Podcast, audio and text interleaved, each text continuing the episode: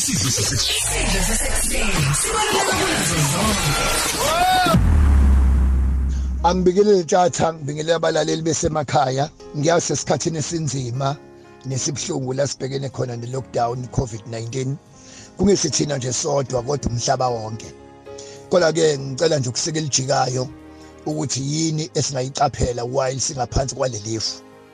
Number 1 ngicela wonke umuntu osekhaya singalali kakhulu ama hours ethu nesikhathi sethu singasichithi kakhulu embedeni ufonela umuntu ekuseni ulele isemini ulele intambama ulele sebusuku ulele. Abantu kubhlunga imizimba balele. Mawufuna ukubulala inja enza sure ukuthi uyayivalela.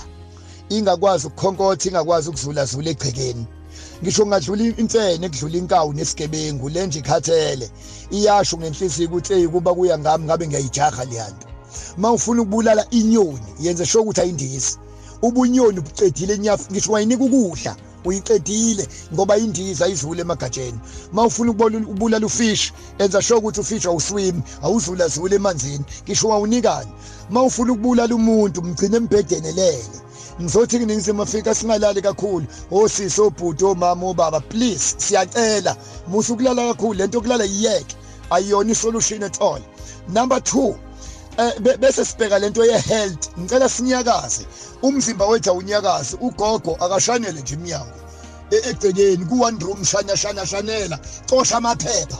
Noma noma umkhulu cosha amaphepha. Egcekeni phusha phusha noma yini ongayenza. Bonke abantu abanyakaze. Exercise angazi indaba singatshelwanga ukuthi masifuna ukulapha zonke izifo njuna ukuthi mawungajima uvocavoca umzimba?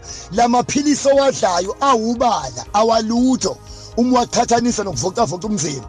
Akekho udokotela empilweni into yokulapha njengokunyakasa umzimba wonke umuntu akayivocavoca ngithe njalo ekuqaleni ungakhohlwa. Musa ukulala kakhulu. Number 2 vocavoca umzimba nyakazisa umzimba. Akube khona into oyenzayo emhlabeni. Bese siyibuza nje mhlawumbe lo mbuzo sengisike elijikayo nje tjatha ukuthi mangathiwa i-lockdown ayiphele.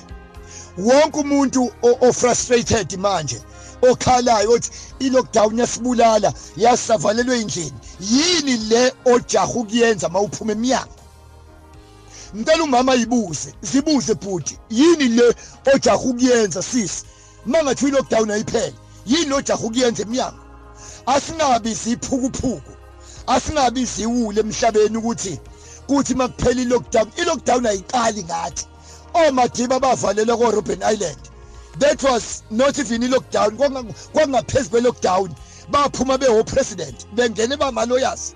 O-josefa ngokwebhayibheli bake bavalelwe ojosefa bafakwe emgodini bafakwe emajele. Ojosefa oshadrack nomisheki bakubavalelwe ey'ndaweni emabhubesini.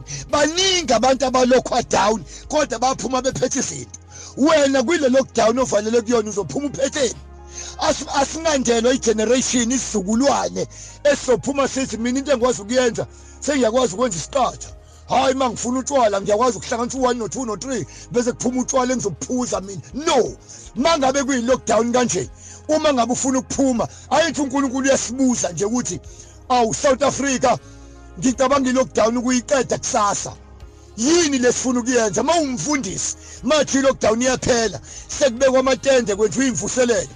Ngeke niqale phansi ubheka amavesi. Uwacingile namavesi before i-lockdown? Ngizothi bafethu ningizimu afrika wonke umuntu ngicela azimisele. Iba nempilo yakho hlala phansi nawe. Akhi izinto zakho while usavalelekile ngifuna ukuthi sengiqeda right now. Isikhathi lesi sokulungisa impilo yakho hlala phansi nawe ungakahlali nabantu. Lungisa impilo yakho la uyakhona ufuna ukuyaphi nempilo hlala phansi nawe. Futhi musukuba nenkani yokuthi lesi sifo mina ngiyasingabaza baphi bona labantu abafayo? Omunye uke wangifonela saxoxa naye ethi hayi bozondo lento yaleli gciwane ayikho. Labantu abafayo baphi? Ngathi kuyena lalela. Musukulokuba nenkani ubuza. Uzothini uma uNkulunkulu esekukhombisa ngoma wakho naba abafayo. Ekukhombisa ngobhuti wakho naba abafayo. Ekukhombisa ngogogo wakho naba abafayo. Wathi if uNkulunkulu ekukhombisa ukuthi bapha abantu abafayo? Ngisothi ake simbonge upresident wethu ukuthi ngalo kuba president waba umzali. Sibona amagalelo ahamba ngawo. Ezama yonke into. Ukusiza isizwe eyinikela. Siyabonga kupresident wethu baba uRamaphosa we say thank you. Engifisa nathi ke simhlakabeze asingaloke sibona amaphutha kuyicazululo kodwa sikwazi ukubona ixazululo emaphutheni. Ngisothi South Africa united we stand but divided we fall. Ngeke sife kunje and this too shall pass. Ngizothi sonke ningizimu afrika asinike emakhoneni ethu mawuyisayoni iye khoneni lakho. Mawuyinazaretha iye khoneni lakho. Mawuyihindu iye khoneni lakho. Muyimoslem iye khoneni lakho. Mawuyichristian uyikristo iye khoneni lakho. Yonke into obeka kuyona isandla unkulunkulu akakubusise. Uma ufuna ukulalela ama-podcast ethu uvakashela u-www.ukhozifm.co.za ukhozi fm luhamba phambili.